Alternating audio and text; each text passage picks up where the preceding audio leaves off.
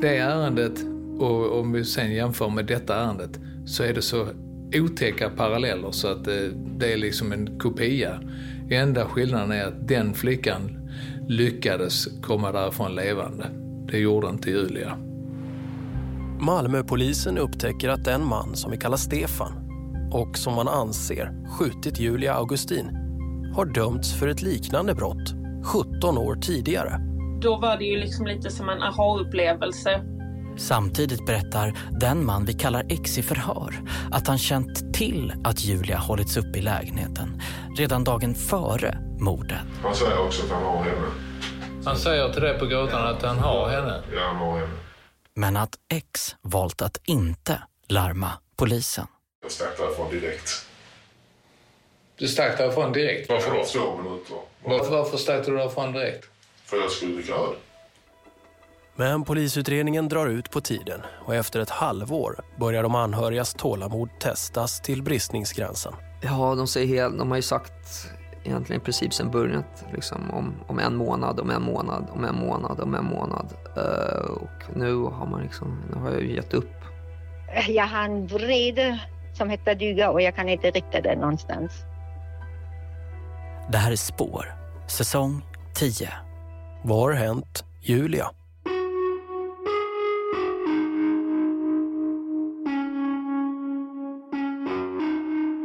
Spår görs av Martin Jonsson och Anton Berg. I redaktionen finns också Maria Hansson Botin och Eva-Lisa Wallin.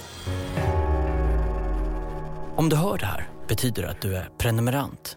Stort tack för att du stödjer vår journalistik. Det här är avsnitt fyra.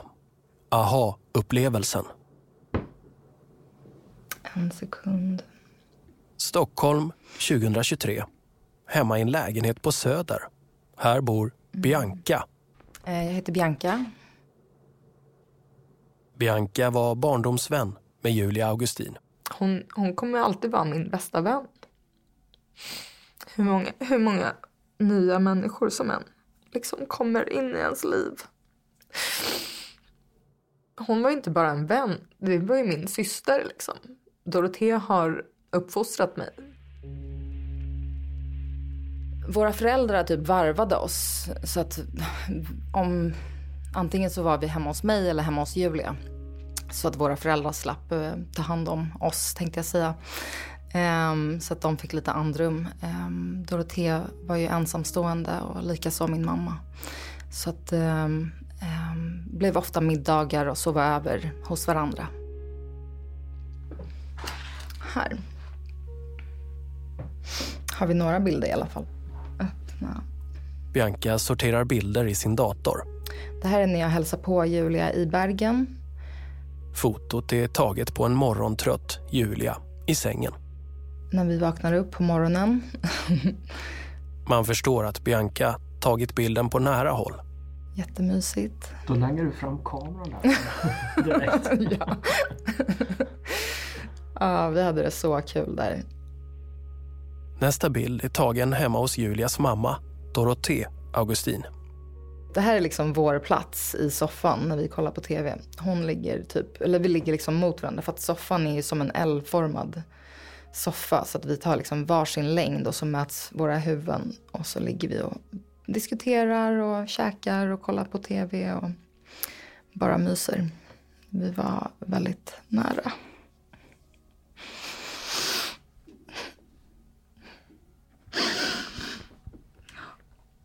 Det är väldigt tufft att se de här bilderna.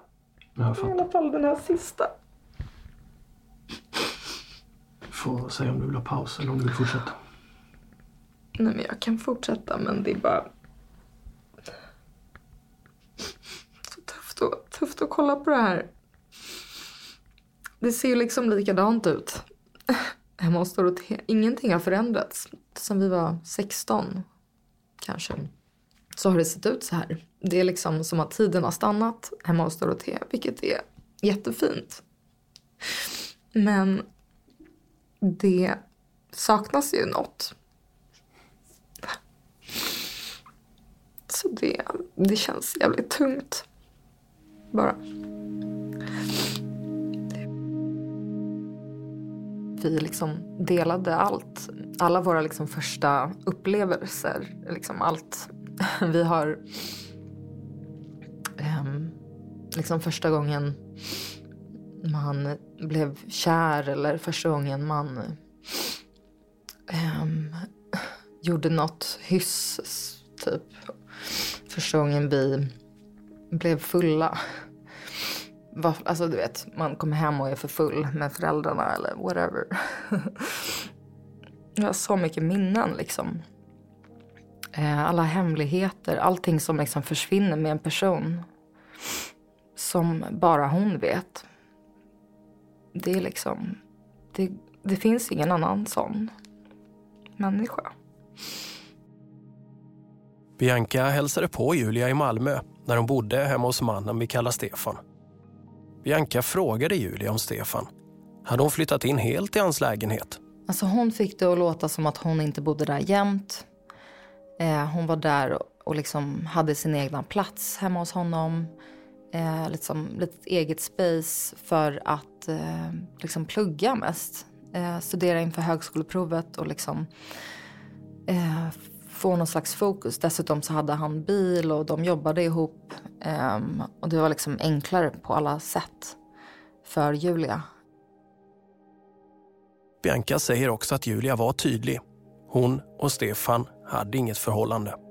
De bara hängde ihop som kompisar. Även om jag vet om hans förflutna så liksom, det är ingen, nu vet jag ju det, det visste jag inte då, men det är ingenting som man tänker på. Alltså att en människa är kapabel till. Eller man vill inte det. Nu tänker jag ju det om typ alla. Men eh, det är ingenting som jag liksom går runt och funderar på om det här kan vara en mördare. Eller en våldtäktsman. Polisen Mikael Östling, som var med och utredde Julias död, minns vad han tänkte när han fick reda på vad Stefan dömts för 17 år före Julias död. Då är det en i gruppen som gör en slagning på Stefan och hittar ett gammalt ärende. Och när man tittar på förhör och bilder så är det liksom, vad ska man säga, en rysning längs ryggraden att detta är banne mig en kopia. Han har gjort det igen. Spårs Maria Hansson Bottin har läst hovrättens dom från 2004 och kan berätta vad som enligt både tingsrätt och hovrätt anses vara klarlagt om händelserna då. I maj 2004 får Stefan ett samtal från en vän. Hon är nästan tio år yngre än honom, 19 år gammal. Men de har känt varandra nästan hela hennes tonårstid. Den här majkvällen har han haft fest hemma. Han har varit ute på Lilla torg i Malmö och det är sent. Men hans vän berättar att hon utsatts för sexuella trakasserier så han erbjuder sig att betala en taxi för att hon ska komma hem till honom. Han möter henne på gatan. De går upp och ut på hans balkong. Kvinnan berättar att han ger henne en kram och säger att ingen ska göra henne illa. Härifrån skiljer sig deras historier åt. Och enligt domen är det kort efter det här som allting spårar ur. Han erbjuder henne att sova över men hon tackar nej. Plötsligt får hon tårgas sprutad i ansiktet. Han släpar henne till sängen och tejpar ihop hennes armar bakom ryggen. Tejpar för hennes mun och tejpar hennes ena fot vid sängstolpen. Sen skär han sönder hennes kläder med kniv. Tröjan, bhn, jeansen och trosorna. Han råkar skada sig själv i låret med kniven. Han tar bort tejpen från munnen och från armarna som vid det laget är blåaktiga. Sätter på ett handfängsel istället. Hon hålls i lägenheten hela natten. Enligt domen hotar han henne och säger att han kommer se till att hon dödas om hon berättar. På morgonen får hon låna kläder av honom. Hon får hjälpa till att städa undan blodiga lakan och handdukar. Sina egna trasiga kläder. Lägga allt i plastpåsar som ska slängas. och så får hon skjuts hem till sina föräldrar. När hon kommer dit bryter hon ihop men vill först inte säga vem som gjort henne illa. Det är föräldrarna som kontaktar polisen. Stefan säger att hon var med på alltihop. Han säger att den tårgasspray som finns i hans lägenhet troligen tillhör hans inneboende och nekar till att ha använt den. Men både tingsrätt och hovrätt tror på kvinnan. Bland annat menar man att det inte är troligt att hon skulle vilja få sina kläder sönderskurna utan att veta hur och i vad hon ska ta sig hem. 2004 döms Stefan för olaga frihetsberövande, grov våldtäkt och övergrepp i rättssak till fem års fängelse.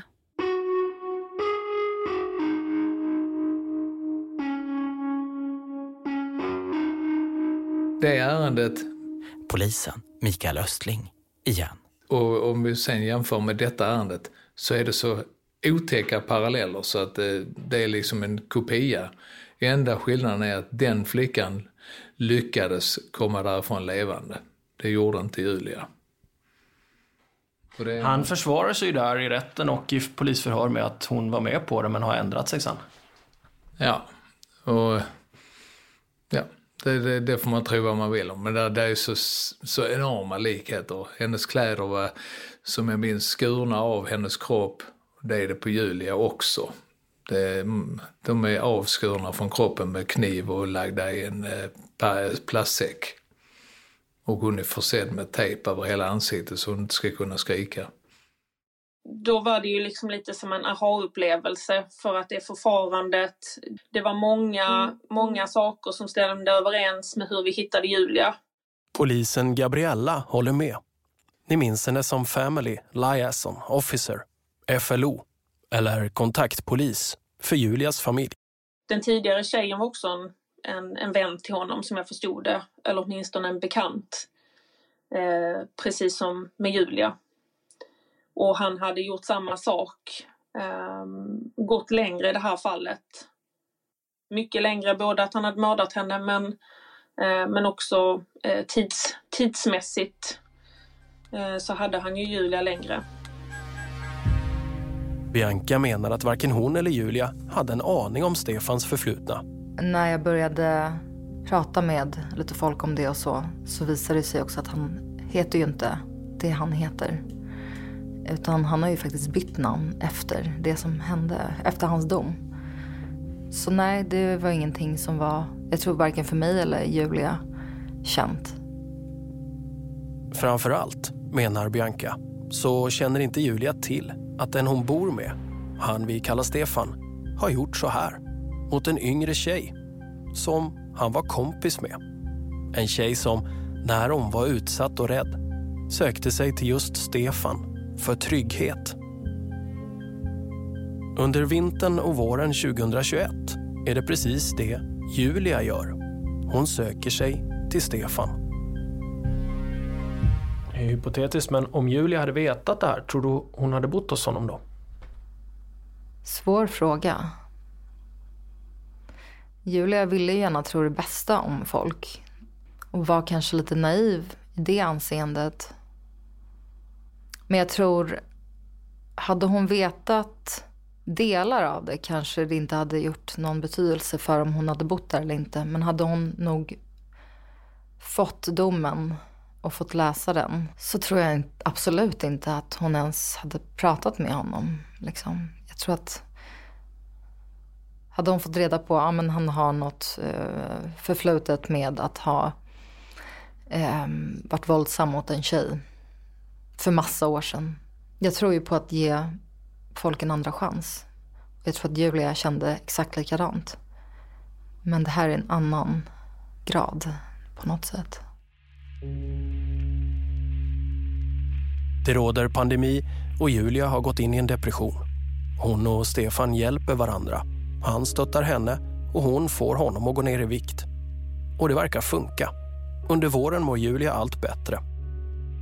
Hon genomgår en ADHD och ADD-utredning och skriver högskoleprovet med ett resultat som förvånar henne. I juni 2021 träffar hon Bianca i Stockholm. Hon sa att hon var, hon var typ chockad.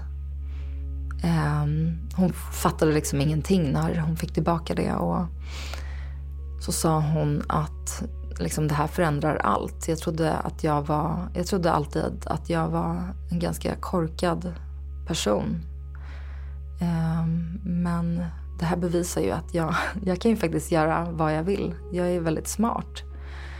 Och jag var väldigt glad för hennes skull. Och hon sa, jag bara, men vad vill du plugga eller vad vill du göra? Liksom. Hon bara, nej men jag kanske, ja men kanske marinbiolog eller barnpsykolog eller arkitekt eller läkare eller något. Jag vet inte. Hon var så glad. Alltså, det var liksom som ett, ett helt nytt kapitel.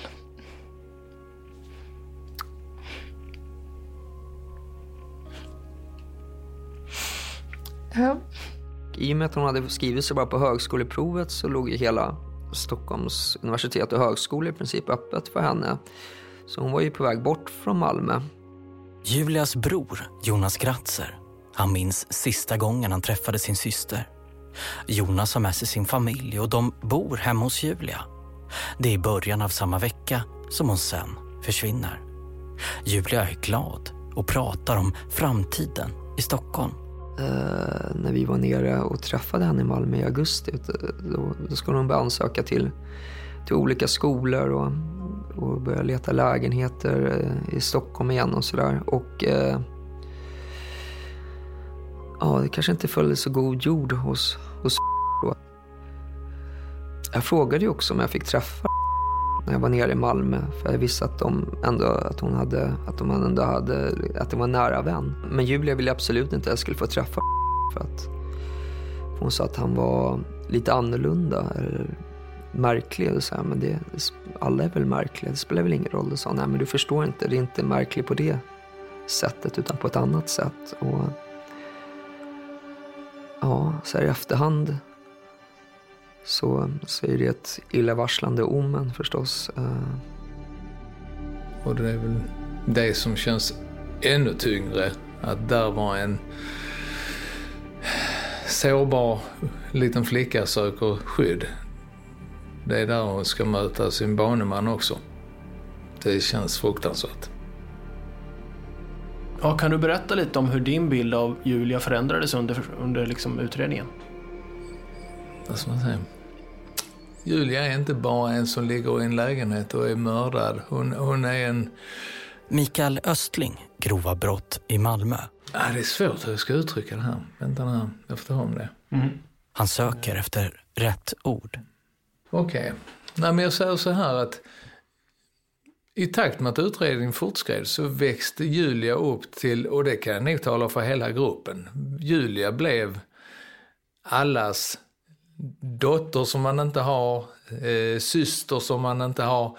Alla kände detta kunde varit min lilla dotter. Jag kan säga vissa av mötena då satt folk och grät för att de var så ledsna för de tänkte på sina egna familjeförhållanden. Detta kunde varit min dotter. Det, det kan hända precis vem som helst som litar på en människa. Så kan det bli så här. Så att hon kom, hon kom oss väldigt, väldigt nära. Från att vara ett eh, namn och personnummer på ett papper så blev Julia verkligen Julia. Här är det dubbelt att vara journalist. För alla, vänner, familj och även polisen berättar om hur nära Julia de kom. Hur jobbigt det här brottet har varit. För det är en tjej som har haft det tufft, kämpat och äntligen när livet ler mot henne så tar det plötsligt bara slut. Jag känner det när jag träffar familjen, Bianca, Maja. Men jag känner det också när jag träffar poliserna Mikael och Gabriella. Julias död har tagit hårt på dem också. Men trots att polisen verkligen ansträngt sig för att reda ut det här brottet man verkar till och med lagt ner extra stor möda vid just Julias fall, får jag höra. Ja, trots detta så har familjen ändå fått vänta i ovisshet ända sedan augusti 2021. Så här säger Julias bror Jonas Gratzer våren 2022. Då har det alltså gått nio månader sedan polisen hittade Julia och Stefan. Ja, de, säger helt, de har ju sagt egentligen i princip sen början. Liksom om, om en månad, om en månad, om en månad, om en månad. Uh, och nu har, man liksom, nu har jag ju gett upp. Och även om han säger att han har gett upp så har han inte det. För det går liksom inte. Man, man hoppas ju någonstans hela tiden på att ja, om en månad ska jag få svaret och då kan jag liksom börja lägga det här, inte bakom än, men jag kan börja... Ja, men jag kan gå vidare så att säga. Mamma Dorothea Augustin berättar att familjen fick vänta ända till december, alltså fyra månader, innan man fick tillgång till Julias lägenhet. Först då fick man hämta nästan alla Julias tillhörigheter. Sen går det en tid innan Dorothée får ett samtal av Gabriella, FLO-polisen. Framförallt hon har ringt upp mig två gånger efter att Julias lägenhet blev eh, öppnad igen kan man säga. Och då har hon ringt för att tala om för mig att det fanns en del um, tillhörigheter som fortfarande var beslagtagna. Och uh, att, att, att jag skulle behöva vänta innan jag kan få dem. Och um, att de inom uh, några veckor skulle presentera vad som har hänt. Det var i början av februari. Dorothée väntar igen. Men hennes tålamod tar slut när hon inte hör något från polisen i Malmö trots att flera veckor passerar. När ingenting hände i mars när jag kom tillbaka från min semester så ringde jag upp dem igen. Nej, då, vad hette det? Jag försökte ringa henne och då ringde hon tillbaka. Och så sa hon så här, ja, nej, nu är det bara några veckor och då kommer ni få veta allting. Då kommer vi berätta vad som har hänt. Och då sa jag till henne, för då, då ja, hade jag inte riktigt tålamod längre. Så jag sa, att, men du, när du säger några veckor, menar du då två veckor, åtta veckor, ett halvt år? Oj, säger hon, jag förstår att du är frustrerad. Och jag vet inte, någonting klack till i mig och jag bara sa till henne, är du dum? Jag är inte frustrerad. Jag är inne i ett trauma. Du fattar ju ingenting.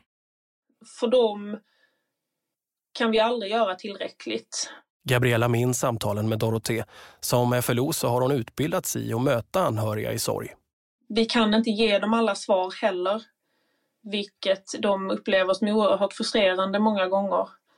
Och är de i processen, så i processen där de är arga eller besvikna så eh, påverkar detta också ju såklart. Men hur kan det komma sig att det tog ett år och fyra månader innan någon åtalades och familjen till slut fick veta allt som polisen utrett kring Julias död? Där har jag inget bra svar mer än att det är resurser och det är eh, väntetider och det är andra ärenden som prioriteras eh, på grund av att folk sitter häktade och frihetsberövade. Tyvärr så ser det ut. Ni hörde i förra avsnittet hur polisen häktade mannen vi kallar X. Det var i början av september 2021. Han förhördes då under en knapp månads tid. Men när X sen släpps så tappar utredningen fart. Polisen prioriterar andra fall där människor är gripna och sitter inlåsta. I Malmö är polisen under 2021 och 2022 under hårt tryck från andra våldsdåd. Det spelar roll här, för Julias fall prioriteras helt enkelt ned. Det har ju varit stökigt i Malmö i perioder och det är ju alltid en hög belastning hos oss. Um, resurserna är ju tyvärr uh, alltid knappa.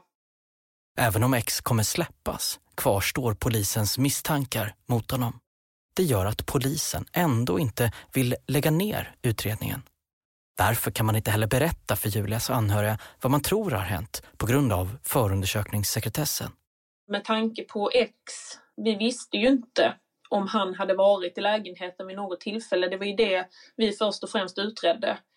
Om han, han påstod ju att han bara hade varit nere på gatan fått information om att Julia hölls fången i lägenheten var så som han berättade men han hade inte varit i lägenheten och då var det ju vår uppgift att, eh, att utreda det. Stämmer det han säger eller inte? Och då kunde vi såklart inte de detaljerna om vad som fanns i lägenheten om hur Julia eh, hittats, det var ju sådant han i så fall hade haft kännedom om, om han varit i lägenheten. Och då är det ju desto viktigare att bara polisen har den informationen. Annars kan han ju påstå att han har fått reda på det här eh, på annat håll. Och det är så han vet, till exempel. Så, då är det fortsatt förhör. Det här är fjärde och sista förhöret med X under den tid i september 2021 när han är häktad som misstänkt för medhjälp till människorov och mord. Vi hör förhörsledare Mikael Östling. Vi har förvrängt ljudet på X röst. Och vi befinner oss på häktet i Malmö den 24 september. Så jag ställer frågan, när du tänker dig när han säger att han har Julia, hur menar han då att han har Julia? Och då berättar han att ja, men han har väl henne bunden uppe i lägenheten med någon form för munkavle.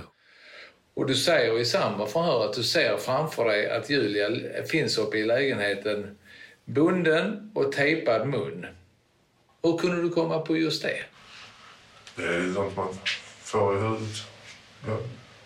Varifrån får man det i huvudet? Filmer. Vilken film har du sett som Massvis. Massvis. Var man just Vi får en föreställning jag såg på Efterlyst igår. Det var det en man i Lund som hade blivit rånad. eh, Eller expressrån eller faktiskt. Okej. Ja. Och jag bara får känslan att man kan inte berätta så detaljerat om man inte också vet hur hon låg där uppe. För det var ungefär så hon låg i, i lägenheten. På det viset. Å andra sidan, för jag har ju hört och läst det här förut, Mm. så försvarar han sig då med att ja, men det är ju så man tänker att någon som är kidnappad är kidnappad. Och skulle man göra det på film så skulle man väl göra ungefär så. Ja, det är det, är det han säger. Men jag får känslan av att det, det är... Nej, jag kan inte köpa det resonemanget, men jag vet att han säger det. Följde du med upp för att titta? Nej. Jag var inte uppe i hans lägenhet, har jag sagt tre gånger. Var du inte nyfiken att se hur det såg Nej, ut? jag var inte det. Jag stack därifrån direkt. Du stack därifrån direkt? Varför då? Två minuter. Varför, varför stack du därifrån direkt? För jag skulle dricka öl. Cirka en minut senare, för det tar inte längre tid att gå bort, så går du in och handlar läsk och tuggummi och står och har jätteroligt med han i butiken. Ja, ni skojar ju om glassarna han hade och att ni hade såna Alltså det är max 90 sekunder sedan du har fått reda på att en flicka är kidnappad. Jag hade väl inte tankar på att hon skulle dö. Oavsett vad polisen tror finns det inga tekniska bevis som talar för att X följde med upp i lägenheten. Det kommer man fram till senare i utredningen. Men kunde X förutsett vad som skulle hända? Att Julia skulle dö? Borde han till och med insett det? En sak talar för det, menar polisen. X har nämligen hört om Stefans planer på de så kallade expressrånen under en mycket lång tid. Och det här är något som X själv berättar. Att Stefan pratat om att kidnappa, råna och mörda tjejer. Vi hör Mikael Östlings förhörskollega. Har det varit ett återkommande ämne? Ja. Under hur Det var lång inte tid? det var länge sedan sist han sa det, men eh, ett och ett halvt år sedan, två år sedan. Vad sa du för? Ett och ett halvt, två år sedan. Så har de dratt. Nej, jag är inte med på det, jag är inte med på det. Så har de fortsatt om jag med på det, men jag är inte med på det. X säger alltså att han hört Stefan berätta om expressrånen i minst ett och ett halvt år. Kanske till och med två år tidigare.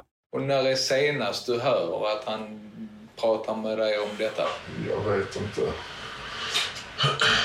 Han, han säger det ibland, så man kommer inte ihåg när han säger det. Men är det 14 dagar? Nej. Tre veckor sedan? En månad sedan? Månader sedan.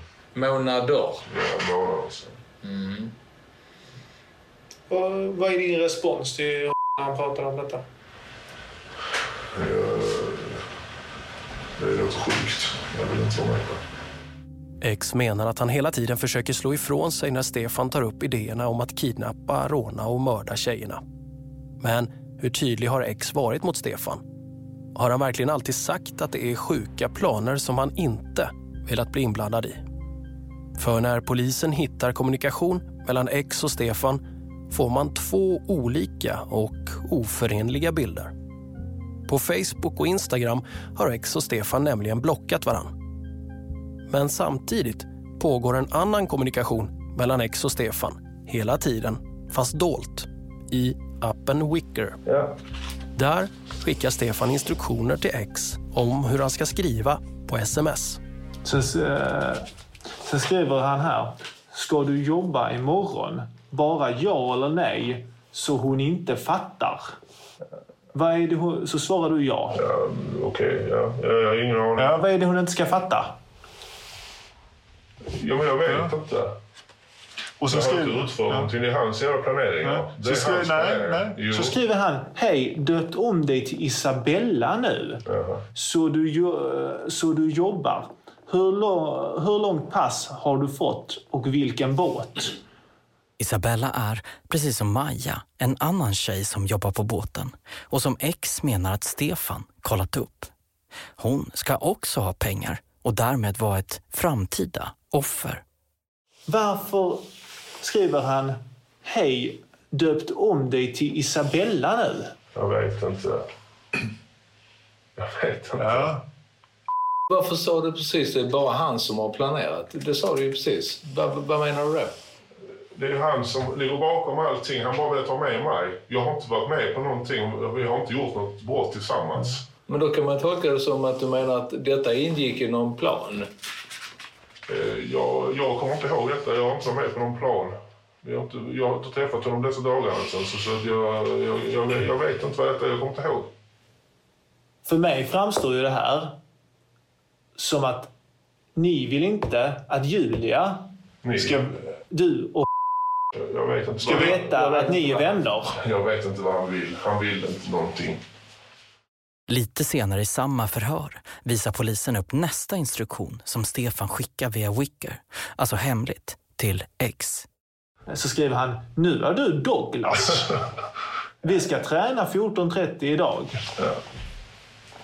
Ska jobba imorgon, radera direkt. Ja, men detta får du ju förklara. Liksom. Jo, det får du göra. Varför, varför ska du radera? Hon ser ju inte din telefon. Jag, jag vet inte. Det, det här är ju väldigt hemligt det ni håller på med. Och först heter du Isabella. Sen några dagar senare, den 13 januari, ja, då, är- då är du Douglas. X menar att han gör som Stefan säger, att han spelar med. Nu menar han att det eventuellt fanns ett hot med i bilden. Jag spelar med på, på hans medel, men jag är inte med på någonting. Du spelar med, varför gör du det? Jag vet inte. Det är det där hotet som eh, jag är för. Men du, du, du berättade ju i förra förhöret att, att, att, eh, Men det är inget, ja, att du var inte så rädd för honom ändå. Ja, det var det också. Jag, jag, jag, jag, jag spelar bara med här. Han, han har en förklaring att han hade inte tagit de här eh, samtalen på allvar utan han ville bara spela med när Stefan berättade om sina planer, om hur allting skulle gå till. Och vi ställde ändå frågor liksom, men att spela med, man kan ju säga att det är ingenting jag är med på. Det, det, är ju ingen som, det händer ingenting om man säger det. Men nej, han vidhöll ändå att jag spelade med för att inte göra honom upprörd. Men jag, var aldrig, jag hade aldrig tänkt att vara med på något sånt här. Mot slutet av förhöret konfronterar poliserna X med de Wicker-meddelanden som Stefan och X skickar till varandra på natten mellan fredag och lördag. Alltså när X vet att Stefan har Julia som fånge i lägenheten. X är då och dricker öl med vänner. Ni minns konversationen från förra avsnittet när Stefan skrev halv tolv på natten. Kom hit och hjälp mig imorgon. X svarade och undrade när. Nu på natten låter för mycket. Men sen ändrar sig Stefan och verkar vilja att X ska komma mitt i natten. Är du full? Annars kom.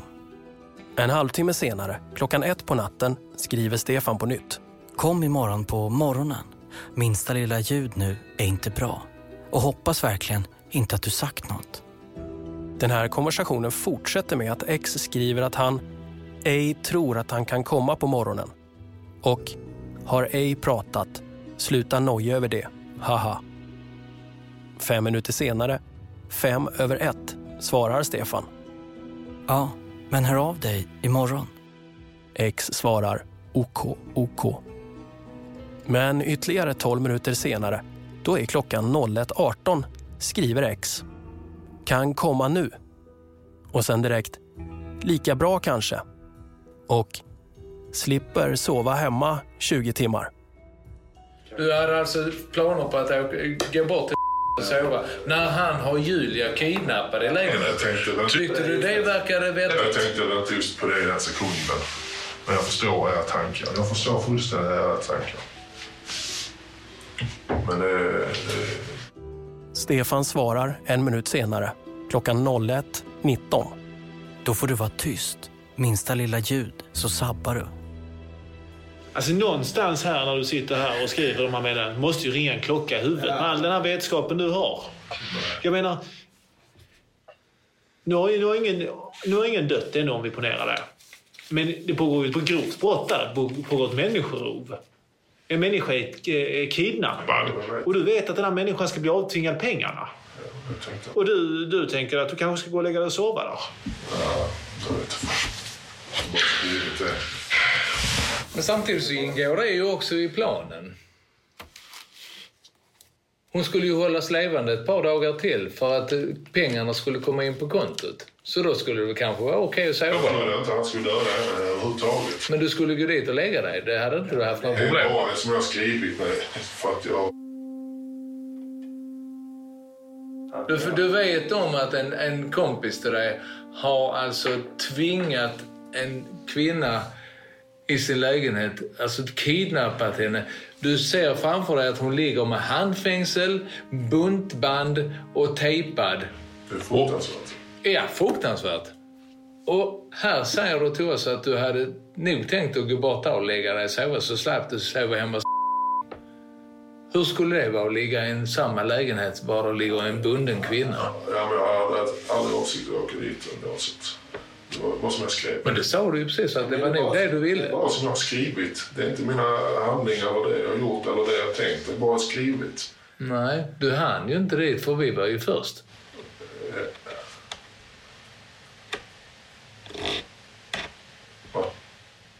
Va? Va? På morgonen klockan 06.09 skriver Stefan på nytt. Vad hände? Varför kom du inte? Tre minuter senare, klockan 06.12, skriver Stefan igen. Vad hände? Han får inget svar. Drygt fyra timmar senare, halv elva på lördagsförmiddagen, skriver Stefan. Kom nu då. En timme senare, 11.30, skriver Stefan sitt sista meddelande. Det består av ett enda ord. Hallå? X svarar. Men då har klockan blivit fem i två på eftermiddagen. Han skriver Vad ska jag komma för? Kvart i fyra skriver han Ska vi ses ute? Sen går ett par timmar. Men 18.39 dyker X upp på cykel. Han fångas av en övervakningskamera. Då är han på andra sidan en kanal som går utanför Stefans lägenhet. Utanför Stefans port står då polisbilar. X skulle kunna svänga vänster till Stefan. Men han cyklar istället rakt fram. Polisen han först. Ja, ja. Eller hur? Jo. Så var det ju. Ja. Mm. Så var det ju. Ja. Ja. Känns det skönt att säga det? Nej. Men det var ju så det var. Ja. Ja. Jag ångrar mig. Mm. Så, kontakta polisen faktiskt. Längre än så kommer man inte i förhören. X släpps och utredningen inriktar sig på tekniska undersökningar som man hoppas kommer klarlägga mer av händelseförloppet. Till exempel är man intresserad av när Julia lämnar sin egen lägenhet och kommer till Stefans och hur det går till. När Julia kommer till lägenheten, det har vi ingen uppfattning om alls. Men vår tes är ju att hon har befunnit sig i lägenheten och inte trott att Stefan skulle komma hem när hon tömde sina grejer. Det mesta pekar på att Julia lämnar sin lägenhet på onsdagen. Alltså dagen efter att Julias bror Jonas och hans familj lämnat Julia och Malmö. Och fyra dagar innan Julia och Stefan hittas döda. Det vi vet är att Stefan är på fest hos, eh, eller fest, han är, han är hos några bekanta i en ort utanför Malmö. Eh, de säger att han är väldigt trevlig och social när han sitter där, men helt plötsligt så får han väldigt bråttom och ska därifrån och tar taxi hem. Stefan har en app i sin mobil som ger honom notiser när hans ytterdörr öppnas. För de här bekanta säger att så här betedde han sig aldrig, för han ställde till med öl och allting stod kvar, för han skulle bara hem nu. Och han åkte iväg snabbt. I en rapport från en patrull som först tar sig in i Julias lägenhet så noteras det att hennes fastighet har övervakningskameror. Här begår polisen ett misstag, för ingen kontrollerar de här inspelningarna. När man sen upptäcker den här uppgiften igen tar man kontakt med Julias fastighetsvärd. Då får man veta att inspelningarna raderas efter sju dagar. Tyvärr hör polisen av sig när det passerat åtta dagar. Om det hade varit någon på filmen så hade det ju kunnat bidra till hur det hade gått till att hon försvann från lägenheten. Men vi har sökt igenom hennes lägenhet med utgångspunkt för att hon skulle kunna ha varit kidnappad från lägenheten. Men där har vi inte kunnat fastställa någonting. Vi kan inte se några tecken på någon strid överhuvudtaget. Den senaste vi kan sätta i lägenheten det är faktiskt Julias bror som bodde där när han var nere i stå, på eh, besök från Stockholm. Och vi kan inte få ihop att Julia var där när hon försvann så att säga, utan hon var hos eh, Stefan. När den tekniska undersökningen från Stefans lägenhet är klar, alltså själva brottsplatsen, visar den att X kanske hade rätt ändå när han påstår att han aldrig var där under själva kidnappningen. Vi hör polisen Gabriella X har ju placerats i lägenheten vid tidigare tillfälle. Han kände Stefan så det vore ju inte konstigt om man hittat någonting i lägenheten med hans spår på, men DNA eller liknande. Men själva i närheten av kropparna, på, på tejp, på vapen, på sådana saker, där ska ju inte hans DNA i så fall finnas. Och det, vi har ju inte hittat någonting sådant. Då är nästa fråga. Kan det ha varit någon annan än Stefan och Julia in i lägenheten vid själva mordtillfället? Vi hör utredaren Mikael Östling igen. När första patrull går in i lägenheten, då är lägenheten låst med bygellås från insidan. Och eh, alla dörrar ut, alltså balkonger och fönster, är låsta. Så det är ingen som kan ha gått ut, för de är låsta. Eh, vi testar även om det skulle vara görligt att man från utsidan precis innan dörren går lås med fisklina eller liknande kunna få upp den här bygeln på låset. Det gick inte. Så den, den tesen har vi uteslutit. Vi har provat flertal gånger att låsa utifrån. Det går inte. Så att därför är vi helt säkra på att det var de här två personerna som fanns i lägenheten. Ingen annan har varit på plats.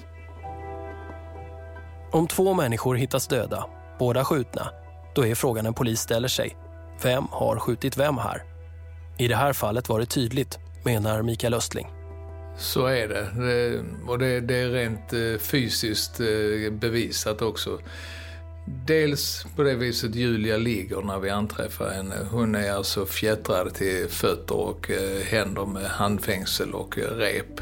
Och hon har allt för korta armar för att skulle kunna hålla i det här vapnet som används. Eh, teknisk undersökning visar att det har gått till så som vi utgår från att eh, Stefan har skjutit Julia och därefter tagit sitt eget liv. När det kommer till förloppet inne i lägenheten är det en fråga som Julias anhöriga tycker är oerhört viktig. Det handlar om när Julia dör. Mamma Dorothea Augustin har flera gånger sagt till mig att ju fler detaljer hon kan hitta som tyder på att Julia lidit så kort tid som möjligt, desto bättre. Men polisen vet inte exakt tidpunkt för när Stefan och Julia dör. Ingenting som vi kan säga med säkerhet. Men vi vet att Stefan googlar på ett telefonnummer eh, strax innan. Och det telefonnumret går till den som ringer in till lägenheten för att höra om det är någon hemma. När polisen tar sig till Stefans lägenhet ringer man på dörren. Men man försöker också nå Stefan på hans mobil. Klockan 13.42 ringer en polisman till Stefan utan att få svar. Efteråt ser man att någon inne i lägenheten har googlat på polismannens telefonnummer. Det här görs 13.43, alltså en minut efter att de ringt. Och den som gjort den sökningen måste vara Stefan, menar polisen. Stefan har googlat på det numret som ringer upp honom och Mm. förstår att det är polis som ringer. Och det kan inte vara Julia som gör det? Nej. Alltså hon, hon är tejpad i ansiktet från hakan upp till under näsan.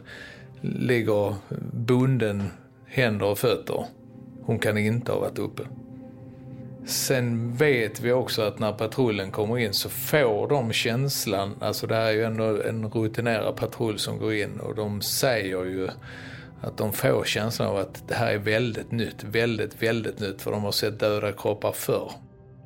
Polisen kommer in i lägenheten ungefär en timme efter det att någon har googlat på numret som har ringt. Då är klockan 14.48 och då hittar polisen Julia och Stefan döda. Efteråt gör Rättsmedicinalverket en undersökning baserad på kroppstemperatur som visar på att Julia sannolikt bör ha dött mellan strax före klockan 13 och innan dess att polisen kom in i lägenheten strax innan klockan 3.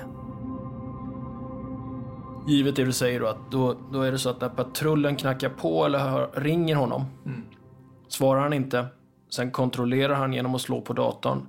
Jaha, det där är en polismans nummer. Då blir han rädd, samtidigt som polisen avlägsnar sig för att få eh, tillstånd om att låsmed att ta sig in. Ja. Då skjuter han kanske båda två. Ja. Och sen när de kommer så är det för sent. Ja. Det här är osäkra uppgifter. Julia kan ha dött ännu tidigare. Hennes kroppstemperatur är något lägre än Stefans. Här spelar också temperaturen i rummet roll. Men att Julia dör på lördagen, antagligen efter lunch, är högst sannolikt. Vad man också vet är att någon gång under den här tiden så läggs Stefans vapen fram i rummet där han och Julia sen hittas. Stefan hade mycket vapen. Alla vapnen var framplockade, ställda på golvet i sovrummet så som, och det här blir som jag tesar, så som att man var beredd, han var beredd att om patrullen skulle komma in så skulle han kunna möta dem. Nu blev det aldrig så. Tillsammans med en skyddsväst hittades gevären, alla oanvända utom ett. Det låg närmast Stefans nakna kropp och var utrustat med ljuddämpare. Det var det geväret han skjutit Julia och sen vänt mot sig själv, menar polisen. Blodspår på väggar och tak vittnar om det förloppet, menar Mikael Östling. Det är framförallt borta vid Julia. För det är där det har stängt upp på väggen. Eh, Stefans är merparten på golvet och i sängen. Jag vill inte ens försöka tänka mig hur hennes sista timmar i livet blev. Men hon måste ha haft en fruktansvärd skräck och panik. Eh, Fångad, fjättrad och tystad med tejp. Och endast få sin näring via ett sugrör. Enligt Mikael Östling kunde det här fått ett mycket bättre slut om X agerat annorlunda. Om X sagt till polisen vad som hände i lägenheten. Ringt upp till sin kompis, fått ner honom på gatan så hade vi kunnat avsyra detta. Utan att det hade hänt någonting. Så därför ändrar sig åklagaren i det här fallet. X var inte inblandad i mordet, men han visste ju om det. Utan att berätta. Vi hör polisen Gabriella. Med anledning av vad han har berättat i förhör. Att han hade kännedom om att hon fanns där uppe. Att han kände till planerna och i viss mån varit delaktig i de här planerna. Alltså planerna på att kidnappa tjejer och pressa dem på pengar och sådär. Och som sagt vetskapen om att Stefan hade Julia. Då valde åklagaren att omrubricera. Misstanken gällde då underlåtenhet att avslöja mord. Det är till slut detta som polisen kommit fram till. Efter ett år och nästan fyra månaders arbete är det det här man har att presentera. Både för Malmö tingsrätt, när det så småningom ska bli rättegång, men också för Julias familj. Några veckor före åtal väcks mot X så håller man en så kallad slutdelgivning. Där berättar polisen för de anhöriga om vad man anser har hänt och hur förundersökningen varit. Jag tycker det är det snyggaste och det, mest professionella att sätta sig ner med de anhöriga och berätta vad det är som har hänt. Eh, de får chans att ställa frågor Eh, och så vidare. Så att det, den, den pratade vi om redan tidigt och när åtal väl väcktes, eller när åtal skulle väckas, så var det ju sedan åklagaren också som eh, ville att vi skulle ta kontakt med anhöriga. Då, då gav hon sitt godkännande så att säga att nu, nu kan vi berätta allt. Och det var innan åtal väcktes just för att de inte skulle få den här informationen från annat håll. Men det här mötet som Julias familj sett fram emot och förberett sig på under 16 månaders tid blir inte så bra som polisen hoppats på. Det går snett nästan direkt. Vi hör Jonas Gratzer, Julias bror. Det var ju inga frågor som blev besvarade. Och de började samtalet med att eh, ja, säga hur, hur jobbigt de själva hade tyckt att det varit. att de hade varit tvungna att ta in psykologer till de som jobbade där. Att de hade blivit så illa berörda av, sam, eh, av, av eh, ja, min systers eh, fall. Då. Att polisen inleder så här gör att Jonas och hans familj blir besvikna. Jag tänker att det är ganska patetiskt att säga det till oss. Så att säga. Det, jag menar, att deras liksom, privata känslor i deras yrkesutövning är ingenting vi ska behöva ta hänsyn till eller liksom bli informerade om, tycker jag. Men Eh, så, så, det kändes lite märkligt att de, att, det, att de börjat inleda mötet med att berätta det. Julias mamma, Dorotea Augustin, har förberett sig noga.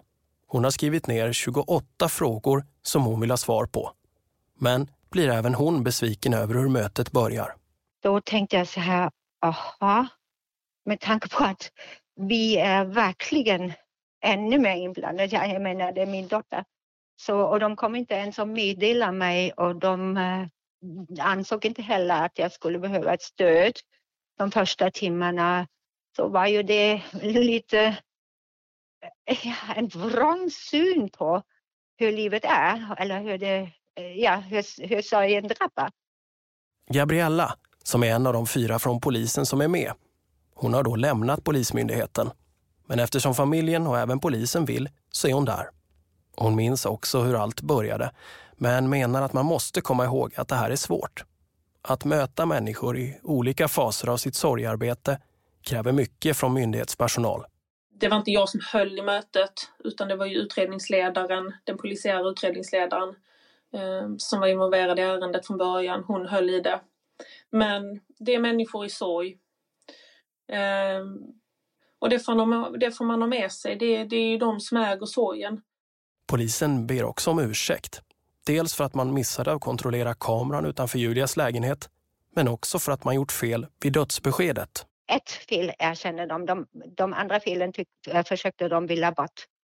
Uh, och det ena felet som de sa att det var ett kapitalfel och det var riktigt alltså illa och de bad om ursäkt. Förlåt, förlåt, sa de. Uh, det var att de meddelade Anders att Julia var död innan hon ens var identifierad. Det bad de om ursäkt för?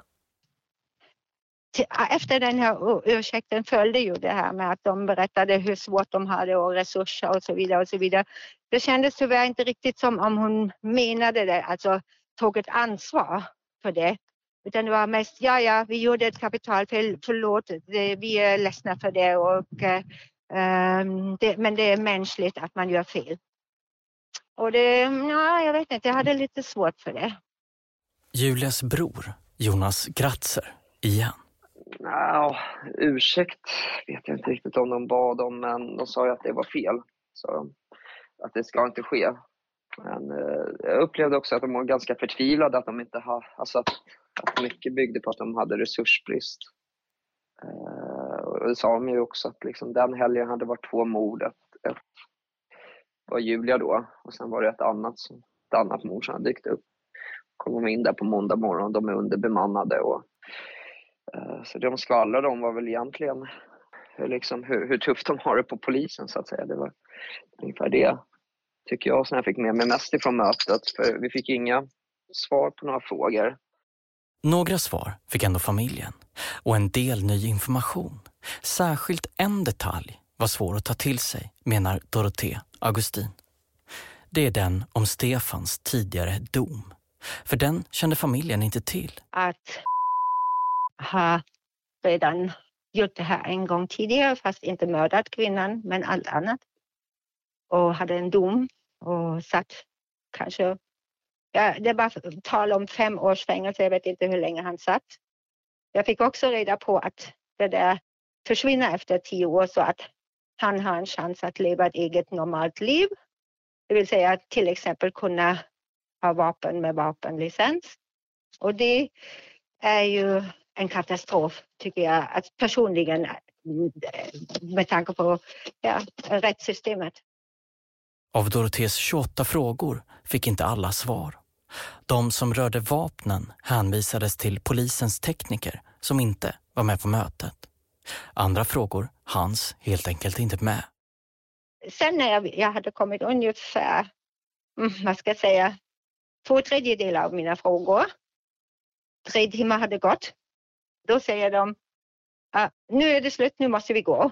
Och då trodde vi först att, aha, okej, okay, det är lunch eller någonting och sen så träffas vi igen för resten av frågorna och ja, för att eventuellt även uh, att de kanske skulle titta på frågorna och svara nästa dag. Men då sa de bara, det är avslutat nu, vi har inget mer att säga. Uh, um, uh, bra att ni kom. Så var det klart. Och sen så fick vi bara gå. Tre timmar för ett möte. Är det mycket eller lite? Det beror såklart på förväntningar och vad man har kommit överens om. Här går åsikterna isär. Jonas Gratzer menar att han inte vill kritisera enskilda poliser. Han ser något som är värre. Jag vill inte på något sätt svartmåla de här individerna utan det, är, det är ju mer, som de även sa, att det är mer ett samhällsproblem. De sa ju det mellan raden eller nästan rakt ut att, att, att det handlar om resurser, att de har inte de här resurserna längre att, att, att eh, lösa brotten de har, att det, att det är för mycket. I min värld är det oroväckande i varje fall. Som journalist mitt i det här förstår jag familjen. Att få svar på frågor om en död dotter eller syster det är oerhört viktigt för sorgeprocessen. Jag har en vrede som heter duga och jag kan inte rikta den någonstans. Samtidigt förstår jag också polisen. För både Mikael Östling och Gabriella framstår som både kompetenta och seriösa och i detta fall också djupt engagerade i Julias fall. Vi hör Gabriella igen. Hon vill förklara varför poliserna började mötet med att berätta om hur kollegor drabbats av Julias trauma. För även om det inte var Gabriella som sa just det på mötet förstår hon vad man ville uttrycka till Julias familj med det här. Men som kanske inte nådde fram. Att vi mår dåligt, det är såklart att vi gör när vi ser sådana saker och det ska vi göra. Vi ska må dåligt över sådana här ärenden och händelser. Eh, annars är vi ju inte människor. Men det är ju inte att vi mår dåligt. Det är ju inte någonting som ska det är, ju, det är ju deras anhöriga. Det är ju, de mår ju sämst. Så att jag tror att man har försökt eh, jag tror att man har försökt att förklara för de anhöriga eh, hur, hur viktigt det här har varit för oss utredare att fullfölja och utreda. Men, men tyvärr har det blivit fel i, i formuleringen i så fall. Um, och ja, jag, jag blir ju rörd när jag pratar. Jag har tänkt mycket på henne. Och det kommer jag alltid göra. Eh, på något sätt. Och jag tror, jag tror att det vill man ju få fram till de anhöriga. Att, eh, att vi tänker på henne. Eh, och att vi har eh, burit henne med oss också. Liksom, trots att ehm, vi ser sånt här ehm, ofta i jobbet och vi har, eh, det är många tuffa ärenden. Sen vissa slår hårt. Um, och det är svårt att släppa. Och jag tror det är det man vill få fram också. Sen, sen blir det fel ibland tyvärr. Och, um, ja, vi, har, vi har gjort vårt bästa, det vill jag säga. Uh, att det har vi alla gjort i detta. Um, vi har velat nå vägs ände i det. få så många svar som möjligt. Um, sen är vi alla människor och misstag görs. Um, men uh, i det här fallet så hoppas jag att uh, vi kan nå någon fällande dom, att vi har kunnat ge familjen i alla fall de svaren vi kan. I Malmö åtalas en man för att ha hållit tyst med att han visste att en kvinna satt inlåst i en lägenhet och att hon skulle mördas. Enligt stämningsansökan vid Malmö tingsrätt hade kvinnan spärrats in i lägenheten i centrala Malmö med syftet att hon skulle pressas på pengar. Två dagar senare mördades hon. Det här visste 34-åringen om och trots vetskapen valde han att vara tyst. Nu åtalas mannen för underlåtenhet att avslöja mord och människorov. Åklagare Pia Björnsson vill inte uttala sig till spår kring detaljer om fallet före rättegången. Men hon berättar kort om hur hon ser på X och varför hon först misstänkte honom för medhjälp till mord och människorov. Men till slut valde att åtala honom för underlåtenhet att avslöja mord och människorov. Det fanns en misstanke om medhjälp eh, i ett tidigare skede i i förundersökningen. Men den ändrades ju på grund av att eh, det under utredningens gång enligt min uppfattning blev klart att han hade inte gjort sig skyldig till eh, medhjälp till det här, vare sig människoropet eller medhjälpet. Han hade enligt min uppfattning förhållit sig passiv och fått reda på uppgifter om vad som hände och vad som skulle hända.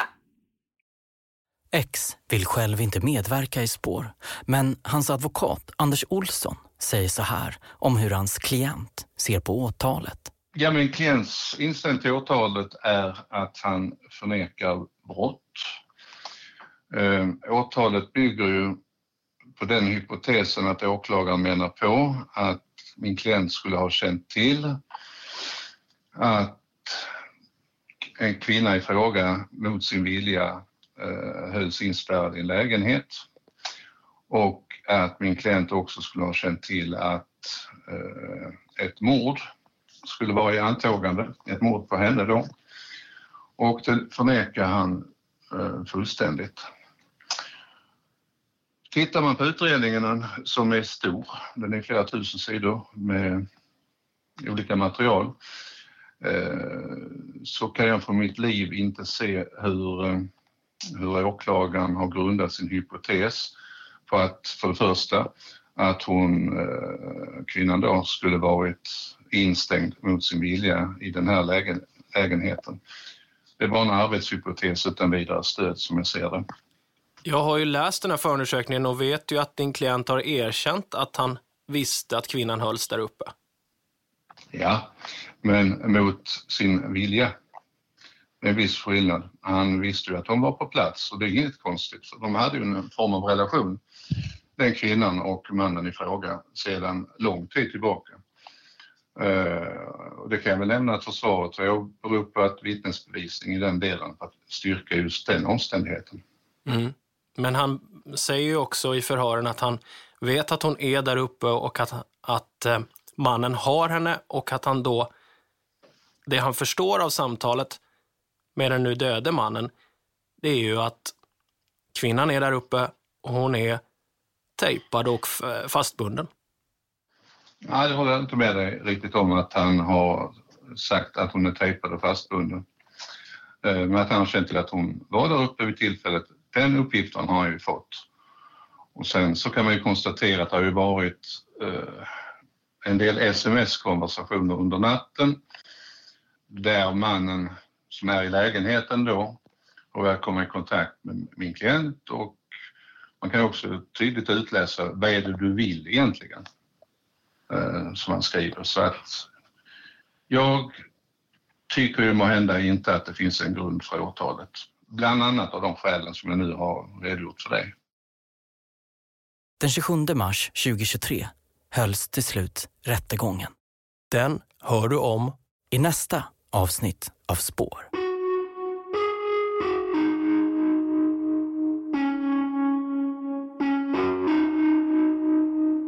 Stod typ någonstans att de skulle köra ut av sin stuga typ. Och sen typ eh, döda oss och begrava oss typ. En av personerna som hörs i rätten är Maja Svensson. När åtalet blev offentligt och hon fick läsa förundersökningen gick en ny, hemsk sanning upp för henne. Jag blev faktiskt jätteledsen när jag läste det och jag var, eh, jag jobbade över jul och jag läste det typ precis innan jul. Och då var jag på jobbet typ och så läste jag det och så blev jag skitledsen. Alltså typ såhär bara hulkböla typ för att jag fick panik. Eh, och då, alltså precis när jag läste det då var alla och sov. Eh, men så var det en bar som var öppen liksom. Och där, är, där var en eh, kvinna som jag ändå, alltså vi har ändå, vi pratar ganska mycket och så här om, om livet typ. Eh, och jag visste att hon jobbade då så jag bara sprang till henne och bara kan vi kramas typ? För att jag fick panik. Spår görs av Anton Berg och Martin Jonsson. I redaktionen finns också Maria Hansson Botin och Eva-Lisa Wallin. Ljudtekniker är Gustav Sondén. Och ansvarig utgivare är jag, Martin Jonsson. Ljudklippen är hämtade från Sveriges Radio P4, Malmöhus. Spår är ett samarbete mellan A1 Produktion, Third Air Studio och Acast. Vill du komma i kontakt med oss? Sök upp oss på sociala medier eller via hemsidan thirdear.studio.